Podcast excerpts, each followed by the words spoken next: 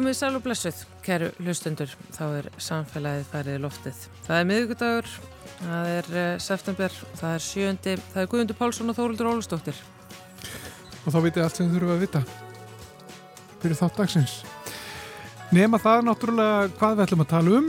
Það eru miklar framkvæmdir fyrirhugaðar við höfnina í Strömsvík vegna áforma um niðurdælingu á koldvísýriki fyrir Carbfix verkefni. Þetta eru mikil áform Eh, sem við höfum hýrt af áður hér í samfélaginu og stórt verkefni framöndan þar við Strömsvík. Við viljum að tala við Lúðik Geirsson sem er hafnarstjóri í Hafnafyrði um þetta ja, stóra verkefni sem er framöndan á þeim. Þetta er alveg helgjaruna verkefni og við ætlum síðan líka að ræða við hjúgrunafræðing á landsbítalanum, ekki um ástandi þar heldur það að hún ætlar að sögla um og verða hjúkan á tenni. Já, hún ætlar að flytja til Tenerife og bjóða þar upp á hjúgrunnaþjónustu fyrir Íslendinga sem eins og allir vita dvelja þar náttúrulega í þúsundatali alla jafna yfir vetrarmánuðina. Og svo er ruslarappið og málfarsmínúta á dasgrá og einhverstaðar þarna á sveimi í þætti dagsins. Já, og svo kemur þetta Olgudóttir til okkar í sitt reglulega vísindarspjall og um, ég held að það muni koma við sögur sko frunsur. Hlaupabólur. Hlaupabóla og, og, og Alzheimer sjúkdómarinn þannig að það er ímislegt framöndan uh, hér í samfélaginu við ætlum að byrja í Strömsvík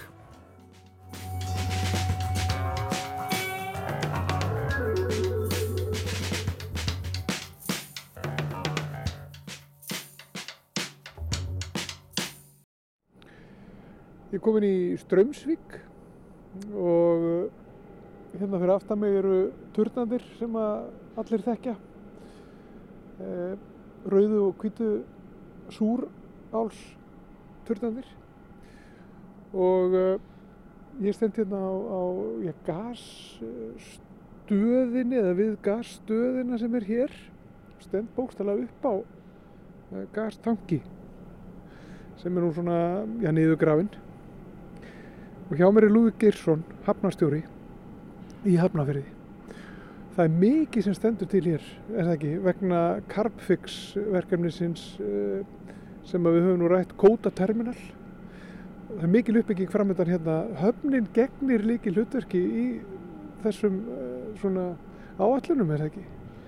Jú, það er átt að segja það. það hér eh, likur bara fyrir að byggja á með tíma nýja stórskipahöfn og erum náttúrulega fyrir með höfnina úr Strömsvík sem var reist rétt fyrir 70 og er orðin 50 ára gömul.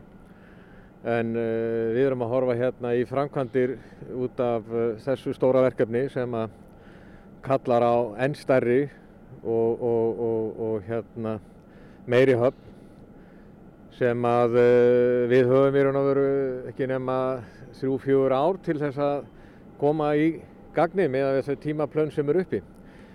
En aðstæður hérna eru þetta mjög sérstakar og tækifæri til þess að fara í hraða vinnu við landfyllingar og brimgarð og skapa hérna mjög góða hafnaraðstöðu vegna þess að norður af uh, sjóvarnagarðunum í gömluhöfninni þar er mikið skerjasvæði sem að stendur grund og uh, þar er kjöri svæði til þess að búa til landfyllingu sem að verður eitthvað staðar upp með 15 hektarar. Og uh, innan við þann brimgar sem að verja það nýja land að þar skapast aðstæða til þess að koma upp þremur hafnarbökkum 200 metrum hverjum að lengt þannig að það verður ekki engungu möguleiki á því að vera með móttöku á þeim miklu flutningum sem að fylgja starfseminni hjá Carfix heldur höfum við tækifæri til að flytja þá þungaflutningana, bölkið, sand og, og möl og, og, og salt og játn og annað sem er í innri höfninni hjá okkur í Hafnarfyrir í dag hingað út á yðnaðarsvæði í Strömsvík. Og þetta er, hversu, sko, getur þú lagt eitthvað mat á bara umfangið, hvað kostar þetta?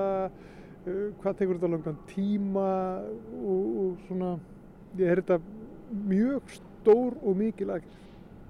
Já, þetta er, þetta er mjög stór aðgerð. Við erum að tala um að uh, hérna séu sko landfyllingar um uh, uh, rífilega miljardur rúmmetra og um 200.000 rúmmetrar af stórgríti í Brimgarð og uh, við erum að tala um að uh, við þurfum að vera tilbúinir með það að geta tekið á móti fyrstu skipum hér inn á þetta nýja hafnarsvæði upp úr 2026-27. Þannig að það er ekki mikið tímið til stefnu. Nei, en peningarnir? Uh, svona fyrstu, já, fyrstu áallanir gera ráð fyrir því að landfyllingin og fyrstu tveir áfangar af þremur á þessu svæði, það er að segja þá tveir viðlöfubakkar uh, fyrir gasskipin og svo aftur fyrir þá bölkflutninga.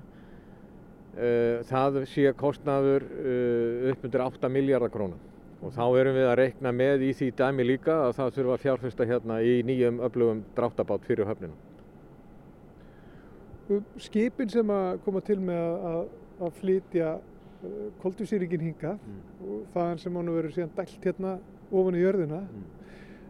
Um þessa nýju miðstöð sem að, reysa hérna líka, hérna, hérna innar. Uh, skipin sem að koma þau verða, þau eru ný, þau eru eiginlega bara í þróun er það ekki, það er bara verið að, að, að svona hanna þau.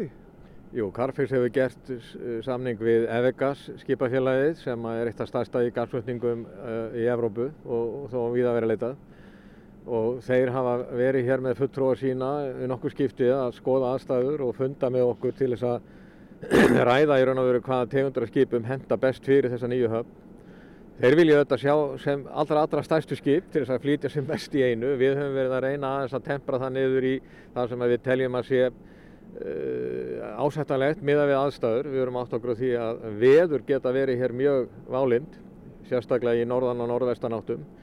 En nýja höfnin sem að vegagerinn hefur verið að þróa og hanna með okkur, hún er raun og verið að búa til mun betri aðstæður fyrir viðlegu heldur en er í gömlu höfnin í Strömsvík.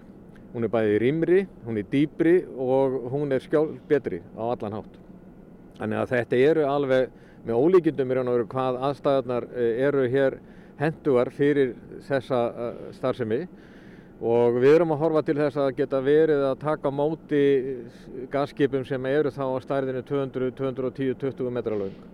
Geta borið upp undir þá 30.000 tonn af gasi hvert sinn Það er verið að tala um að það verður um 3 miljónir tonna innflutningur á ári af gasi þegar að mest verður komið og allt í fullan gang eftir 2030.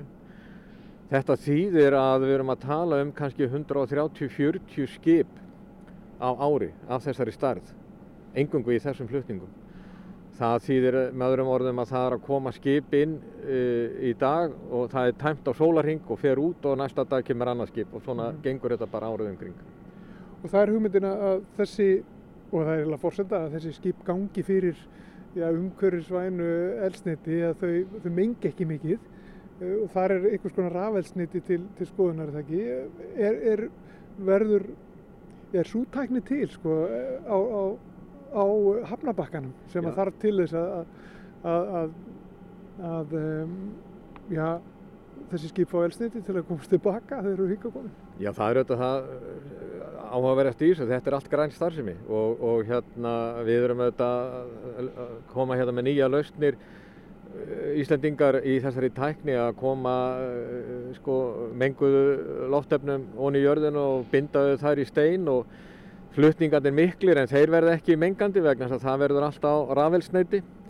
og hugmyndin eru þetta að þróa í framtíðinni og samhliða þessu tækifæri til að geta böngara skipin hérna með þá rafelsnæti og tækifæri skapast hérna innanlands þá til þess að framleiða í stóru mæli rafelsnæti eins og menn eru að horfa til víðarum land og það verður þá hægt jafnvel að skoða það að flytja rafelsnæti með skipunum tilbaka niður til Európu. Þannig að það, það er endalusir mögulegur að tækifæri í þessu og, og ég skilu þetta bara þessa þróun þannig hjá Carfix og öðrum að hér erum við að stíga fyrsta skrefið í einhverju sem að mun verða mun starra og meira og jafnvel víðar um land vegna þess að tækifærin eru víða til staðar. Aðstæðnar hins vegar einstakar hér í strömsög vegna þess að það sem þarf til er gljúft basaltraun, mikið af vatni og höfn sem liggur næri þessum stöðum. Það er allt fyrir hendi hér í strömsög þannig að það eru ákjámsanlegar aðstæður. Þess vegna byrja menn hér og munum þróa verkefni áfram hér en, en ég sé það fyrir mér innan ára tuga verði eitthvað svipu starf sem er komið víðar um land. Er þetta, er þetta gott fyrir Hafnafjörðabæ að, að þú nú gaf bæjastjóri í Hafnafjörði? Er, er þetta gott fyrir bæin, er þetta gott fyrir bæjafélagið að taka þátt í, í svona starfsemi? Þetta er náttúrulega, sko við erum að tala samt um stórskipahöfn og við erum að tala um mikið rask hérna á, á við ströndina hér og svo framhins, ekki það að þessu landi hefur verið raskað áður en, en það er samt, þetta er svona, það eru mikla landfyllingar og það er tölvöld rask þó að já, tilgangurinn er að sjálfsögðu umhverjusvæn starfsemi en, en er, þetta, er þetta gott fyrir bæinn? Ég held að það sé hygglust, ég held að það sé ekki bara gott fyrir bæinn, ég held að það sé bara gott fyrir sko allsjóðar samfélagið að, að við erum hérna að, að horfa á lausnir sem að leysa úr þessum brínasta vanda sem að samfélagið stendur frammi fyrir í dag í lofslagsvanni og, og þarna er sko verkefni sem er bara hefur vakið heimsatikli og menn horfa til með, með hérna Eh, von í, í huga að, að, að það sé eitt af þessum stóru lausnum sem við þurfum að, að eiga á borðinu. Eh, við sjáum bara þann styrk og stuðning sem Evropasambandi hefur sett inn í þetta verkefni på 16 miljardar króna. Við hefum aldrei séð annað eins. Við sýnir auðvitað bara hvernig menn horfa til þessa verkefnis. Eh, mér finnst það að vera bara jákvægt og uppbygglegt fyrir Hafnarfjörð að fá tækifæri til að vera þáttakandi í þessu verkefni fyrir okkur á höfninni skapar þetta algjörlega nýjar aðstæður og tækifæri til að byggja hérna upp alliða uh, nýja stóri skipahöfn til þess að taka við ekki bara þessari starfsemi heldur að létta á þungastarfseminni sem er inni í, miðjum bæ í dag og við erum ekki bara að losa umferðina þá úr miðju og hjarta bæjarins heldur erum við líka að losa uh, bílaumferð og þungaumferð sem eru þetta trublandi og, og, og, og á ekki heima inn í miðjum bæ. Við viljum vera kannski með léttari starfsemi þar, fiskiskip og skemmtifæraskip og annað slíkt. En þungaðum fyrir fjörall hér og beinustu leið inn á yðnaðarsvæði, bara undir Reykjanesbröðinu. Þa, það hefði ekki verið að teikna þetta betur upp. En, en uh, ef við horfum að þess á bara starfsemi hafna og það sem er að gerast, þið, þið hafið til dæmis tekið í nótkunn uh, Já, þið, þið hafið tekið hlæðslustöðar í nótkunn, háspennu, háspennu við, við eh, ykkar höfn, hérna, hafnafjara höfn. Um, er mikið að gerast núna og munu, munu hafnir bara allstaðar þurfa að, að fara að gera mikla breytingar og, og byggja upp? Er það bara núna að byrja og mun það vera bara, er það næstu áriðtugir? Stærri hafnindar hér á Íslandi hafa verið leiðandi í því að koma upp þessar aðstöðu og það hefur verið víðan um land, austur og fjörðum, Akureyri, Reykjavík hér í Hafnarfyrðu og víðar sem menn eru komni langt á veg með að annarkort að taka í gagnið eða eru bara á síðustu metrunum í því að koma þessari eh, hérna, sjónustu upp Það vantar hins vegar uh, aukinn kannski skilning og samstarf með stjórnvöldum að styðja við þetta verkefni. Þetta er miljardakostnaður uh, í, í, í, alveru uh, dæmum þar sem við erum að tala um fleiri megavött inn á hafnabakkana. Skipin þurfa líka að vera tilbúin að vera klár að tengjast. Þetta þarf alltaf að tala saman. Við höfum tengt núna fyrstu farþegarskipin og fyrstu tógarana sem eru glæni í skip og eru bara með hennar búna en það þarf að breyta í eldri skipunum og það þarf að stíga stór skref í því bara á allra næstu missurum svo að við nýtum þessa tækjafæri og möguleika sem sannanlega fyrir hendi. Við eigum almennt næga orku, tekkingin og tæknið til staðar og það er ekkert að vannbúnaði í raun að vera að keira þetta áfram og þetta er stóra verkefnið á hafnarsvæðunum núna á komand árum, það er alveg ljóst. Og svo eru náttúrulega líka kannski breytingar á, á elsniti sem að skipin munu ganga fyrir sem að það er líka að hugað. Já, það er hár rétt vegna þess að þar sem að menn hafa verið að byggja upp oljustöðvar í kringum hafninnar að þá mun það í raun og veru breytast bara á, á skömmum tíma í það að verða uh, fljótandi rafelsneiti sem að þarf að vera til staða til þess að mæta uh, þörfum skipana og, og við erum til að skoða núna með þannig reglur inn á norður uh, skautsvæðið og hérna norður af Íslandi að þar munu skip ekki fá að sigla nema þau séu á rafelsneiti mm.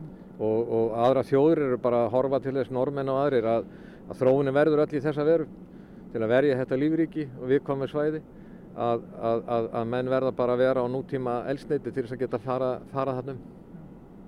Kanski bara svona rétt í lókin, hvenar hefjast framkvæmdir hér og hvað er fyrsta skrifið?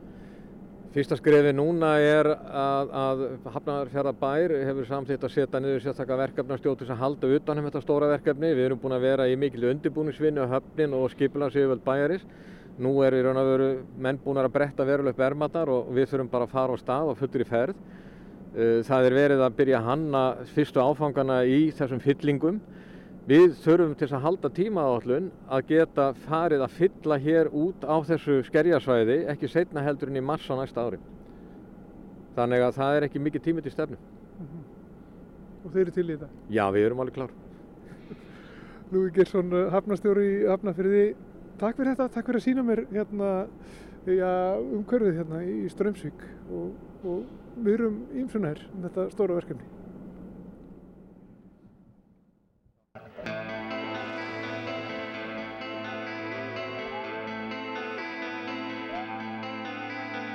Þegar allt er gengið niður og fangar ekki sest á ný Heyris kunnulegur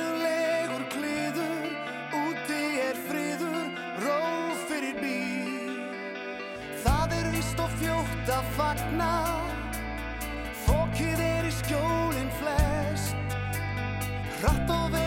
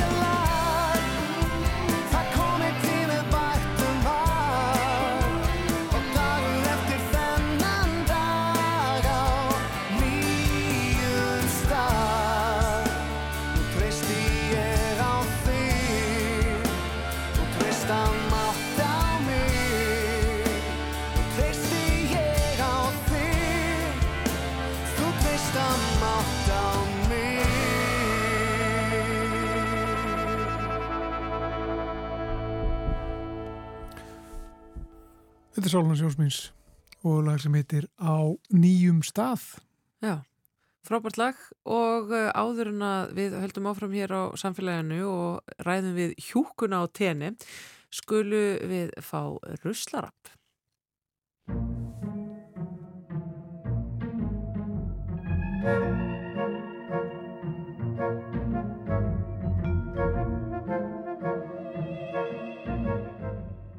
Ruslarappið með Eiriki Erni Þorstensinni, sérfræðingi í fræðslu og miðljun hjá Sorpu farið að stað og við fengum fyrir spurt frá hlustanda sem að vildi að við rættum um hefti og heftara. Já, alveg rétt. Hérna, hvað á að gera við ónýtan heftara? Eh, þetta er náttúrulega, já, úr málmi að, að mestu leiti og, og náttúrulega líka plasti. Plastið er vantilega svona samansett uh, samsett plast sem er erfitt eða ómögulegt er að endurvinna. Og þegar við erum með hluti sem eru að mestu úr einhver, efni, einhver einu efni eins og málmum þá, þá er hægt að flokka þetta með málmum. Já. og náttúrulega sama með heftin, þau eru bara úr málmi. En uh, þar maður að pilla heftin úr uh, pappir, uh, þegar þú halda svona pappirsbæklingum saman, þar maður að pilla heftin úr til þess að áður en að maður setur pappirinn í endauðslu? Hvert eitt og einasta, já. Nei, það er ráðferðu að taka það. Þar maður ekki að taka það? Nei, reyn, reyn og verið eins og hérna, pappirinn sem að, að uh, þetta fyrir til mótugaðala erlendist þá, þá er svona hérna, málmannir skildir frá. Já. Þannig að það er óþarf að taka hvert eitt og einasta hefti úr pappinum. Glöð að heyra það því að ég er sko eðilegt á mig neglutnar við að kroppa í þessi hefti þegar Já. ég verið að fá einhverja svona auðlýsingabaklinga. Stór hættulegt, en það er samt alltaf gott, ég er, ég er ekki að hérna segja það og er ekki að Já, ég er raun og verið, getur alveg hætti en, en flott ég þarf að gera það. Það er alltaf best að aðskilja eins og hægt er. En það er ekki hundraði hættunni nei, eins og þau sagt Nei, nei, ekki það að slasa það á þessu. Það var að vera. Já, en ef maður nær uh, þessum bjövitas heftum úr þá fara þau í málminn og restin í, í, í sína leið eins og oftar en ekki þá pappir. Alveg rétt. Takk fyrir þetta, Eirikur Örn. Takk fyrir mig.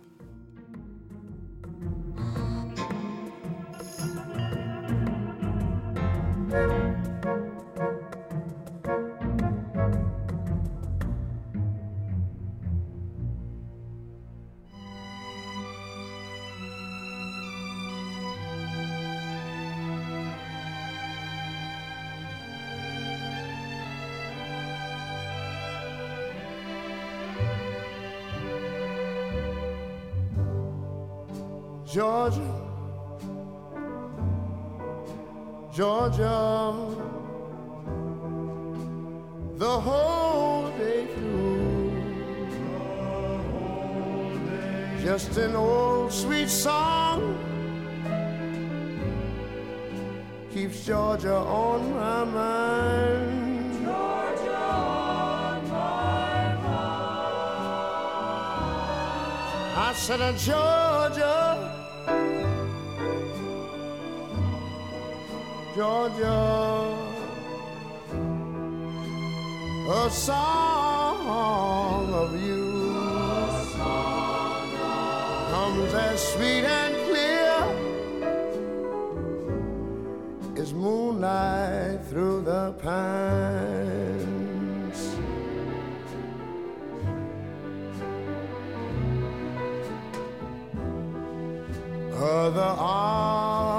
Arms reach out to me. Other eyes smile tenderly. Still in the peaceful dreams I see the road leads back to you. I said, Georgia.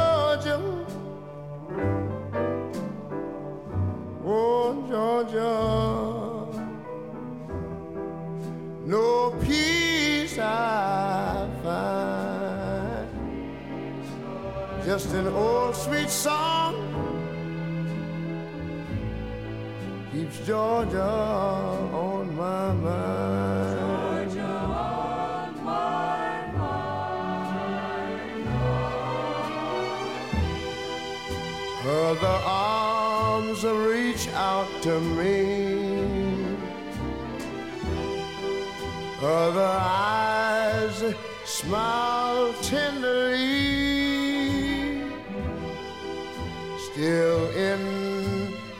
Peaceful dreams, I see the road leads back to you. Whoa, Georgia, Georgia.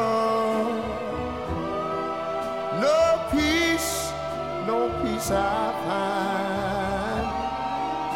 Just an old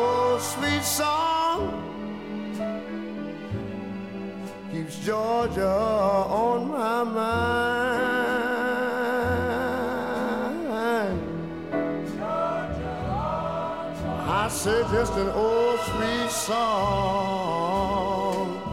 keeps Georgia on my mind.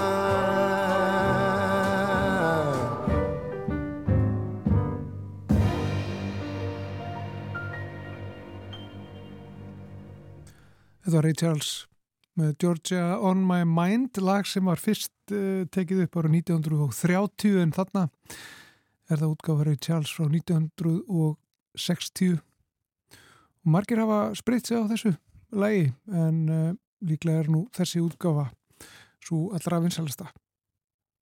Ég sest þetta niður með Svönu Andreu Halldórsdóttur. Hún er hjógrunafræðingur. Stötta á Íslandi eins og er en eh, söðlar bráttum og ætlar til Tenerife að sinna hjógrunafræðistarfinu þar. Sæl Svana Andrea. Sæl. Býtu ákveru að vera hjógrunafræðingur á Tenerife? Um, af hverju ekki?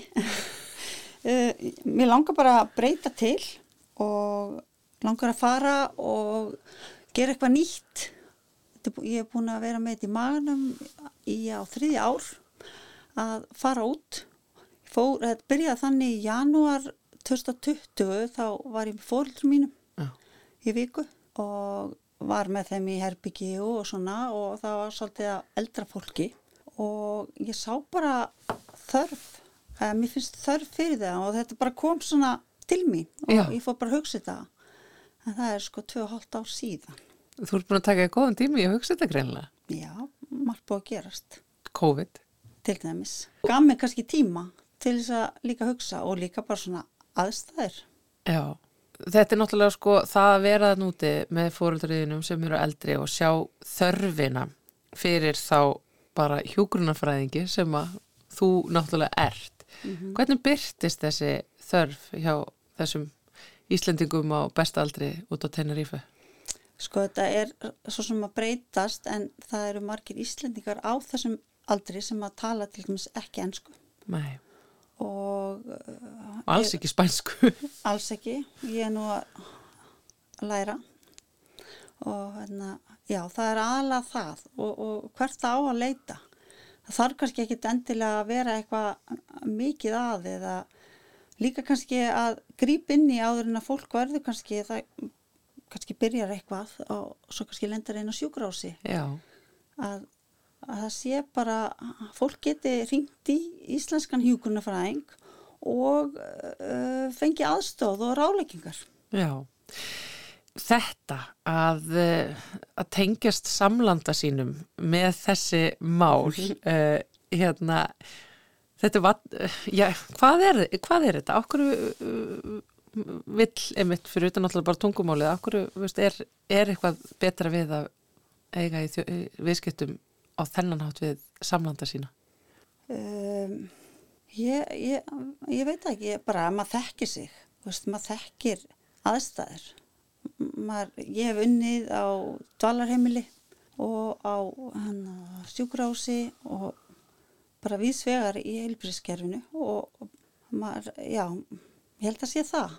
Ég veit ekki, en svo sem þegar ég er að ferðast þá er ég ekkert að sækjast í það að vera í kringum Íslendinga. Já, bara alls ekki og ég er, það sést oft ekki að ég er Íslendingur, ég er ekkit mert nei, nei. einhverju 66 gráð norður eða eitthvað svolítið, ég er ekkit að endilega sækjast í það en já, ég, ég veit það ekki mér finnst þetta bara eitthvað, einhver spennandi vettvangur. Já, þú ert að ræða þarna þessa þörf og einmitt það að- að að- að viljan til þess að- að tengjast samlanda sínum. Þetta er ennú, þetta er ekkit óplægur akur. Þú veist, ég hef verið úti á þessum stöðum og, og þar sá ég sko finska klíník, þar sem að var sko hjúgrunafræðingur, læknir og heldur tannlæknir líka og sjúkraþjálfari sem að voru bara með aðstöðu í stað sem að þjónaði bara finnum en er samt út á spáni. En þau voru all finnsk og þetta virtist vera galdurinn. Já. Ég hef alveg átt samtal við lækna og, og, og það eru, ég bara fengi mjög jákvætt og jákvæð viðbröð út af því að það var sagt, þú veist, herru ég bara kem og auðvitað ekki að gera þetta? En einhvern veginn engin þórað Já. og eins og fólk segir ég var til í að flytja út og ég var til í að gera þetta. En það stökkva af stað. Það er bara svolítið kannski meira mál veist, ef fólk er með fjölskyldu og eitthvað svona en ég líka sko um, hugsa þetta þannig að uh, ég ætla bara að byrja smátt. Og ég ætla að byrja í raun og veru bara með bakpoka bara eins og heima, hjúkurinn er hérna heima. Einmitt. Og uh, ég sé þetta svona fyrir mér að fólk sem að kemst kannski ekki út uh, en getur farið út ef að er fær eftirlit hjá hjúgrunafræðingi Já, og það getur fengið innlit bara alveg frá því að vera daglega og hérna í það bara einsinni viku eða bara eftir hver þörfin er. Já, og það er samt alltaf þegar maður er út eins og þetta segja að tengjast, veist, það er alltaf svo gaman að hitta samt Íslandíka og vera í hóp og svoleiðis, já, já, þó maður kannski vil ekki, eða eins og ég vera allan tíman bara á einhver íslensku hóteli og ég segi. Já, erum ekki alveg bara pikkfest í Íslandíka samfélaginu Nei, ég vil líka kynnast ég, mér finnst alltaf, ég hef verið að fara svolítið einn og verið að leiða mér íbúð ekki endilega hóteli sko. Og í þeim ferðum þá hef ég kynnst svo mikið bara fólki sem býr þarna. Já. þannig kynnist ég fólki sem, já, sem býr þarna. Ég er ekki bara að kynnast íslendingu sem er í eða úti í viku eða já, Já. En þá er náttúrulega heppilegt fyrst að þið langar svona til þess að flytja þarna út að þú sért með sérfræði þekkingu sem að nýtist þér þarna úti. Þú, veist, þú getur bóðið upp á þessar, þessa þjónustu sem að hjúkurunarfræðinga gera. Og þar að leiðandi náttúrulega einmitt aðstóðu Íslendinga sem að myndu vilja vera úti en geta það ekki af því að, að veist, út, af, af einhverjum heilsufarsvandamálum að vitandi að því er þarna úti Já. Mhm. það er íslensku hjúgrunafræðingur úti ég get bara farið til hennar sönnandru og hún fylgist með mér af því að það er náttúrulega eitt af því sem að fólk hafa erfitt með að fara frá er íslenska heilbriðiskerfið það er Já. náttúrulega aldrei svona akkurat bundið við það Mhm. og þar að leiðandi landið og líka þegar þessi eh, sko hugmynd kviknaði hjá mér þá ég fór með vinkonu minni sem að uh, fjekk ekki leifi til þess að fara nema með manninu sínum eða með mér út af því að hún hana, á við heil, heilsuvas vandamál að stríða og hún fjekk ekki leifi til þess að fara þannig að þá fór ég líka svona Já, af hverju ekki? Og þe- þetta þarf ekki endilega að vera eldra fólk. Nei, nei, þetta getur Alls við hvers ekki. sem er, já. Og, og hann að, já, ég, ég held að, að þetta sé eitthvað sem að uh, hægt er að nýta sér. Já, já, eins og held ég segi, þetta er ekki óplæður akkur, þú verður ekki eini hjúgrunafræðingur um að störfum þarna úti sem að einbeti sér af svona sínum samlöndum. Nei.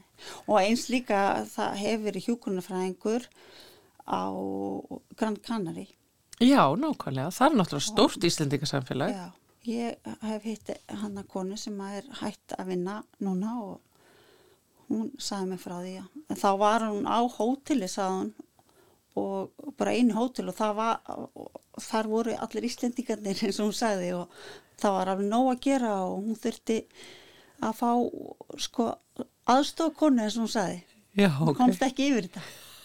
Það er þannig. en ég veit ekki alveg hver, hvaða árið þetta var en, en, en þetta er svolítið síðan. Já, Það eru náttúrulega þessi, þessi hérna svona stóru póstar þarna erlendis sem að Íslendingar sækja mikið í. Það er einmitt eins og segir Kanaríjar og Teneríf og síðan einhverju smábæjar þarna uh, á meilandinu og Spáni. Það eru mikið af Íslendingum sem að myndu einmitt, eiga einmitt, sakna Íslands heilbyrðiskerfis. Er það ekki einmitt af því að spænska er daldið erfitt og óækingilegt? Maður hefur heyrt það. Það er bara ólíkt. Ég, ég held að það sé en eh, fólk hafa mjög mis, misjátt hvernig fólk lætur af þessu. En uh, annarkort bara er þetta voða fínt og svo he, hefur maður líka heyrt annað. Já, En það er líka þetta að hafa þá tengingu við, Úst, ég er ekki að fara, ég er ekki læknir, ég er ekki að fara að lækna neitt og ég er ekki að fara að gera eitthvað en þá hafa tengingu við og ég sé það svona fyrir mér að ég ætla að tengja mig við einhverja klínik og ég veit af klínik sem er skandinavisk og það, já, en það eru bara læknar. En ég er aðeins búin að fara á og kynna mér þetta og, og hann að kíkja á þetta. Já, og ég sé það svona fyrir mér ef að ég þarf að, ég þarf að tengjast einhverjum aðna.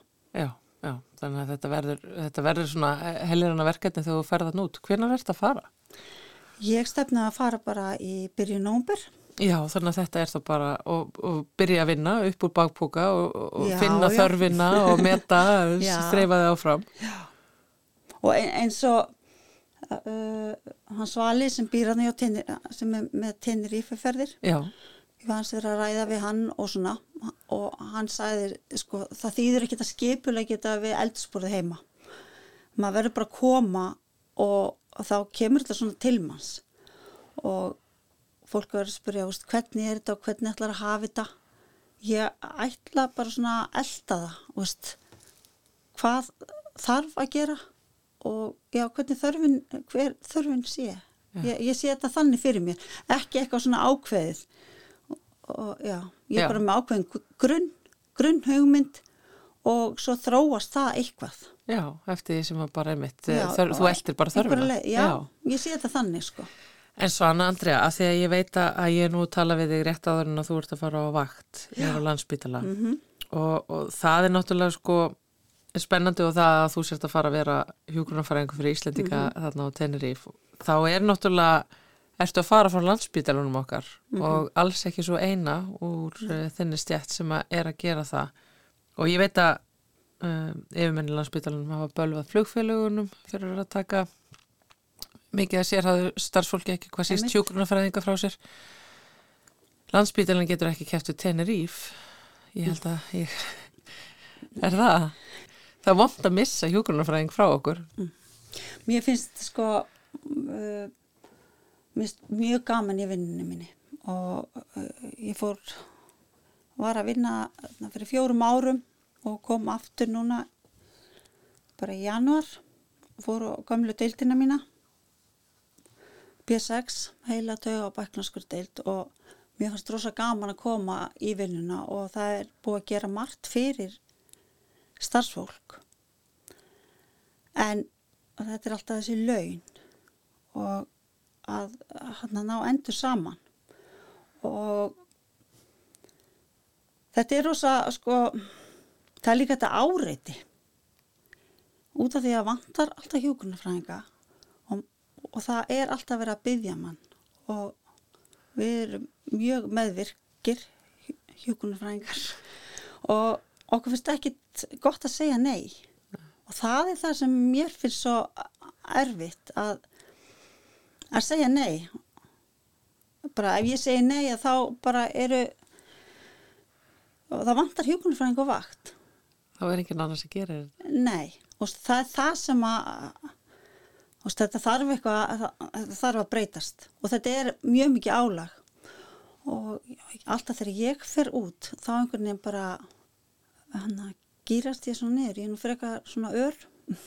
En þegar ég fer út þá alltaf svona róast ég og það er líka það sem ég er að sæki við Íslingar við erum bara alltaf á eða mjög ofta á yfirsnúning mm.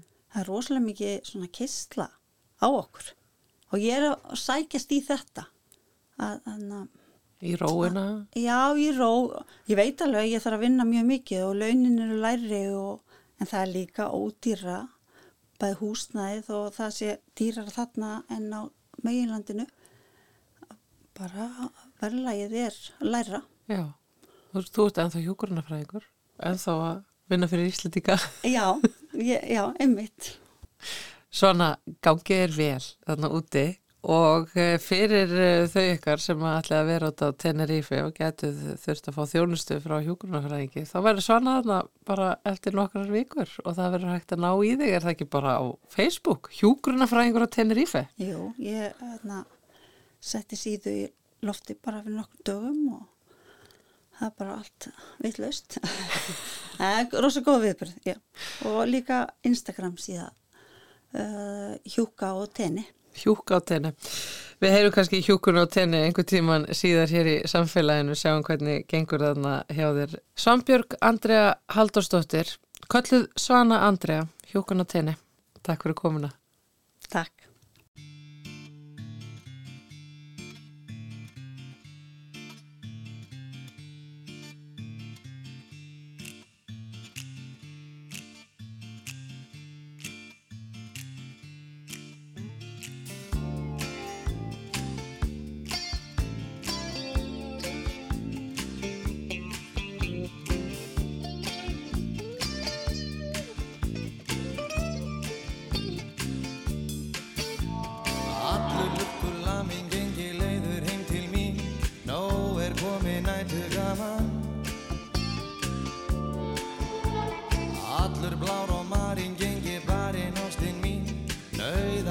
Að þurfa að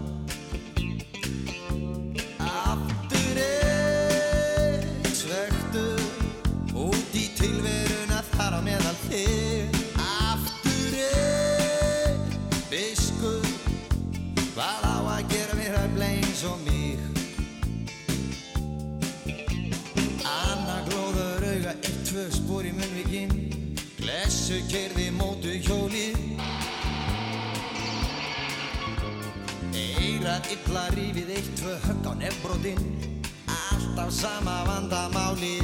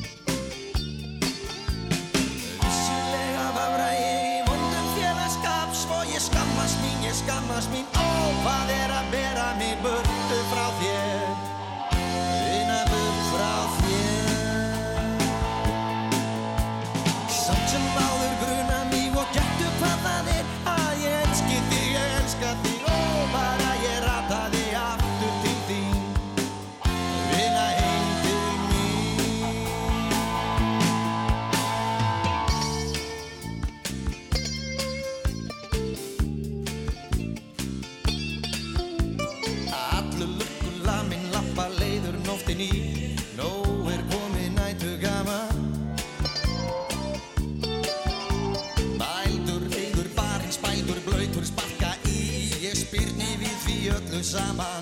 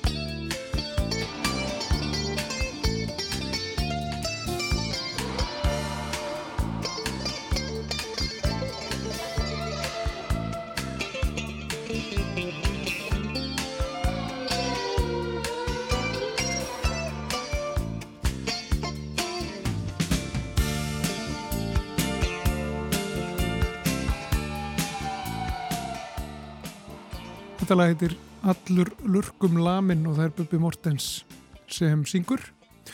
Þetta lag eftir Hilmar Oddsson. Lag og texti eftir hann úr uh, kvikmynd Hans eins og skefnan deyr uh, sem hann gerði árið 1986. En við ætlum að vinda okkur í vísindarspjall hér eftir örskama stund með ettu Olgudóttur en fyrst er það Málfars mínúta.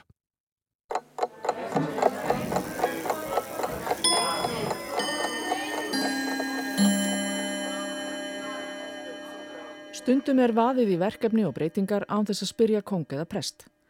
Þeir kongur og prestur vita jafnvel ekki að neinar framkvæmdir séu í bígerð. Þá geta þeir sagt að farið hafi verið í aðgerðirnar að þeim fornspurðum. Þetta orð, fornspurður, er ægilega fornt og mörg dæmi um það í fornum rítum. Orðið var alltaf fornspurður, alveg fram á 20. stöld. Þá hefur líklega verið farið að slá í fyrirliðin, forn og trostna upp úr skilningnum á orðatiltækinu. Nú orðið er því algengt að nota orðið forspurður í staðin. Ég verð að segja að mér finnst fornspurður miklu betra orð. Það er hart og stert en það má búast við að það veki ekki sérstaka ánægu þegar eitthvað er gert að manni fornspurðu.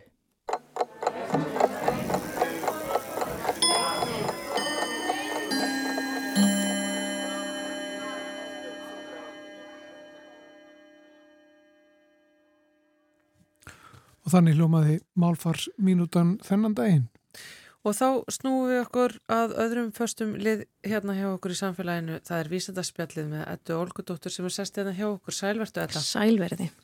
Hvað ertu með farteskinu í dag? Herðu, í dag ætla ég að tala um hérna rannsókn á Alzheimer uh, sem að kannski margi hlustendu þekkja. Þetta er sjúkdómur, hörnunasjúkdómur sem að einkennist kannski helst af því að fólk missir eiginlega bara verður gleimið og missi svona allskynns getu til að gera einfalda hluti.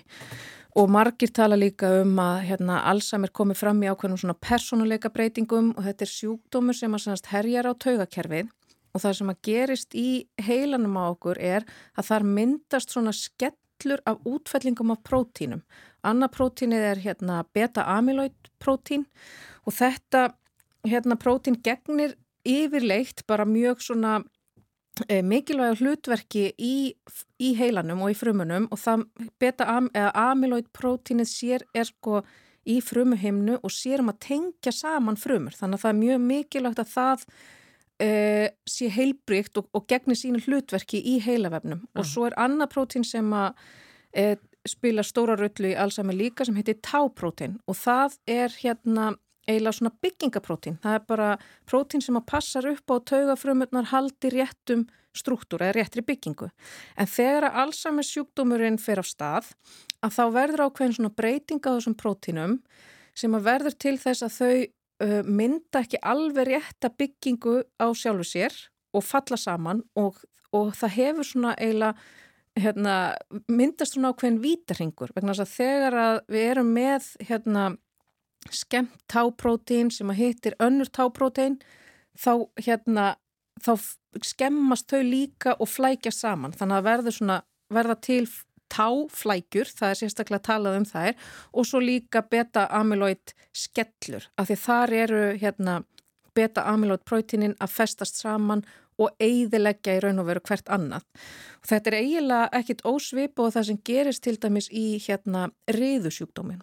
Já, nákvæmlega. Þar er það er eins og að sé sko eitt skemmt prótín sem að kveikir á og öll hinn prótínin fylgja með og herma eftir og það er ekki nákvæmlega skilgreint hvers vegna þetta gerist vegna þess að þessi prótín, bæði tá og amyloid er eitthvað sem við þurfum á að halda í taugakerfin okkar og þau verða að vera heilbrið og vera til staðar til þess að, bara heilin funkar í rétt. Og er ekki líka daldið það sem er erfitt við þetta er að stundu getur þetta leiðið dvala og stundu getur þetta gerst mjög hægt og stundu rosalega hratt þessi, þessi útsmittun uh, og gallar að tákjana. Já og það er eitthvað, nein, við vitum ekki hvers vegna það gerist. Það er ennþá svona, við erum ennþá bara að skoða hvaða sjúkdómur þetta er og það getur líka alveg verið að Alzheimer sjúkdómurinn sé sínd margra galla að það komi bara allt saman fram í þessum hérna, sjúkdómi sem við fellum undir hattin Alzheimer's en það séu kannski mörgin sem spila þarna og svo er þetta alveg klárlega líka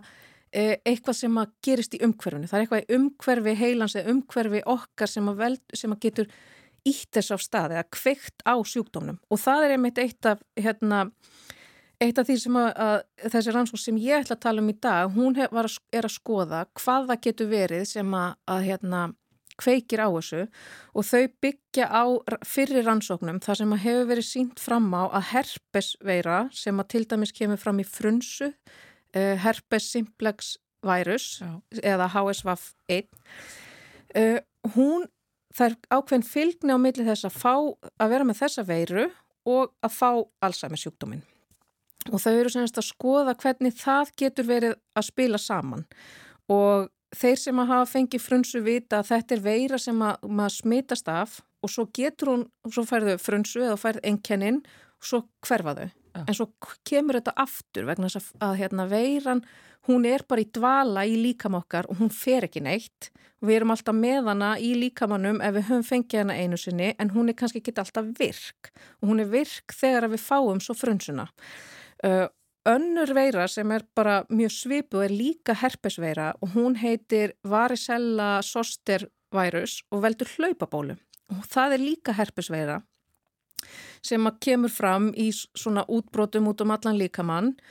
Svo hverfa þessi útbrot og okkur batnar og við fáum aldrei hlaupabólu aftur. En veiran getur samt verið til staðar í líkamannum í dvala. og við þekkjum það til dæmis að hérna, það er annars sjúkdómi sem getur svo komið fram setna á lífsleðinni hjá þeim sem hafa fengið hlaupabólu sem á íslensku kallast ristill Já. og þá koma fram svona útbrot á líkamannum, oft sko miklu staðbundnari heldur en þegar þú fær hlaupabólu og þau eru líka bara auðmari og það getur tekið margar, hérna, margar vikur eða jafnvel mánuð að losna almennilega við þann sjúkdóm, ristil.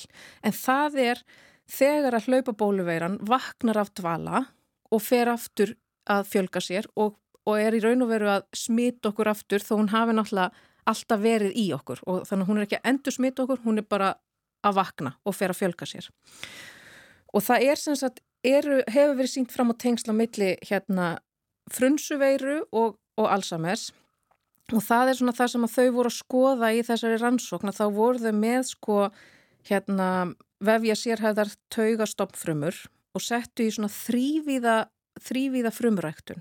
Og það er, hérna við höfum talað um þetta áður, það, þá er bara verið að rækta frumurnar í uh, svona prótínum og, og efni sem er svipar til þess sem að finnst í líkamannum okkar sem bara kallast reglífa heitinu utan frumu efni Já. og það er þar sem að frumurnar festa sig og, og svona ná einhvern veginn að búa til þann struktúr sem að það gera í líkamannum hjá okkur.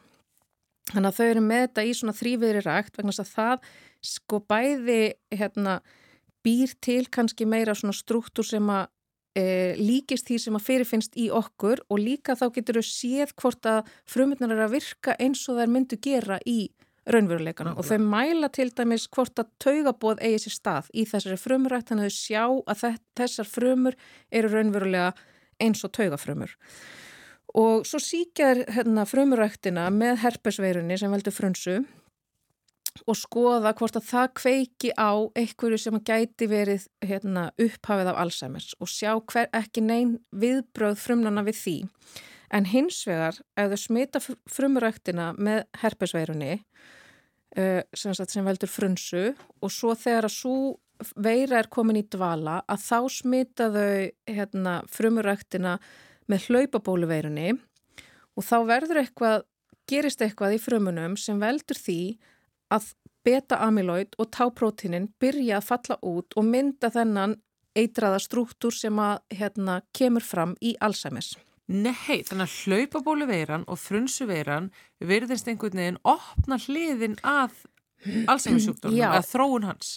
Já, er einhvern veginn svona að kveikja á því sem að, sem að hérna, já, á, kveikja á allsæmisjúkdómnum, er að kveikja á því að við myndum þessar skellur sem að svo bara blokkera eða, eða hindra það að taugafrumunar geti virkað eins og þær eiga að virka.